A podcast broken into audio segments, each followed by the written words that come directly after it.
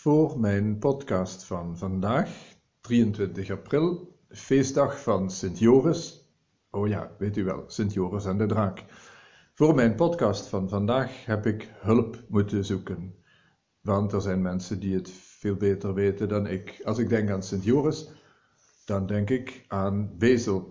En we hebben in Abdissenbos een echtpaar wonen dat uit Bezel komt, Henk en Fieke Verhaag. En Henk is parochiecatecheet. Uh, dus Henk, uh, wat is er te vertellen over de Sint-Joris-parochie van Bezel? Goed, ja, de Sint-Joris-parochie in Bezel, dat is niet zo, die bestaat niet. Het is daar de heilige Sint-Gertrudus-parochie. Maar Joris werd uh, vroeger door zijn legende, door zijn verhaal, dus Joris en de draak, vereerd in talloze plaatsen, waaronder ook Bezel. En Bezel heeft zich daarop toegelegd om dat verhaal en naar de hand, uh, middels de schutterij en een aantal toeschouwers en mensen, het spelerjaar na te spelen in het begin. Maar dat werd natuurlijk te kostbaar en dat werd eigenlijk te groot.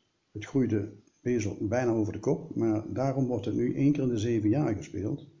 En de volgende uitvoering vindt plaats in 2023. Ik zou zeggen, het is een aanrader. Oké, dus wij gaan eerst naar de passiespelen in Tegelen in 2021. En we schrijven vast op Draaksteken in Bezel 2023. Dat kan. Dat kunnen we zeker organiseren. Dus, gaan we uh, zeker doen? Ja. Oké, dankjewel. Uh, ik weet niet eens zoveel over Sint Joris, wel dat hij waarschijnlijk heel lang geleden heeft geleefd.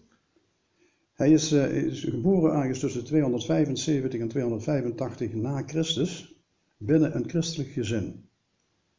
En hij wordt vereerd op de manier dat hij het kwaad zou bestrijden. Een bekend gedicht, wat wel tien strofen bestaat, waarvan ik alleen de eerste strofe even wil zeggen, is het volgende.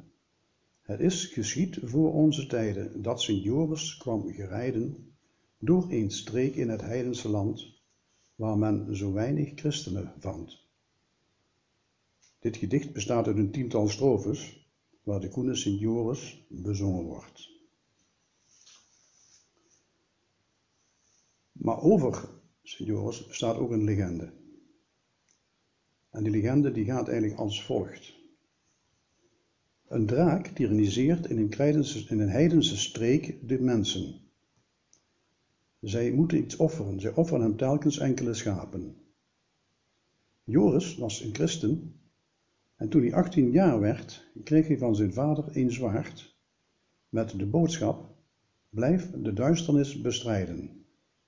Jij bent vanaf nu door het zwaard een ridder.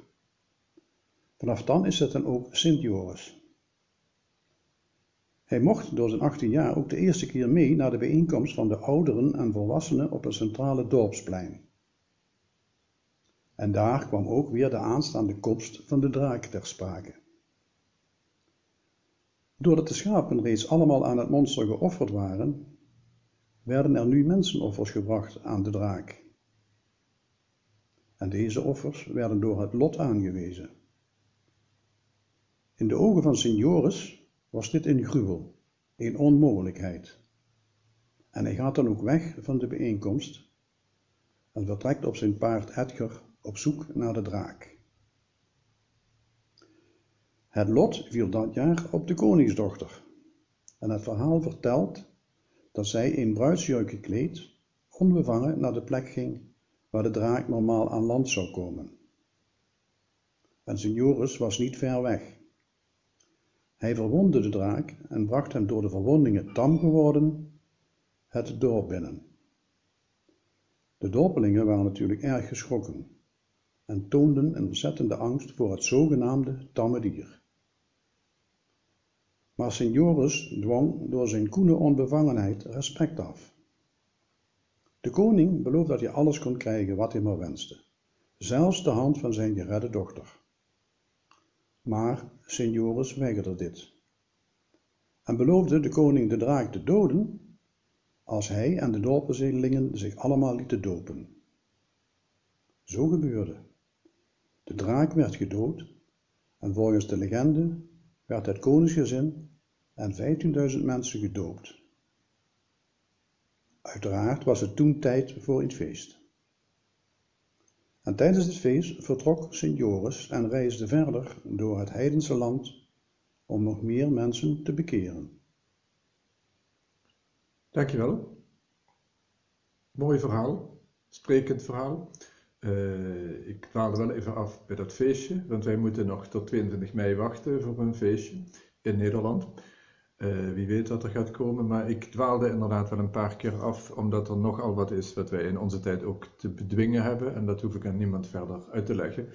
Uh, daar kan die Sint Joris ons wel heel erg bij bemoedigen. Iemand die juist als gelovig christen, uh, juist als gelovige het kwaad in de ogen durft te kijken en weet, ik ben niet sterker dan jij, maar ik heb wel een geloof in God die sterker is. Um, dankjewel voor dit bemoedigende verhaal.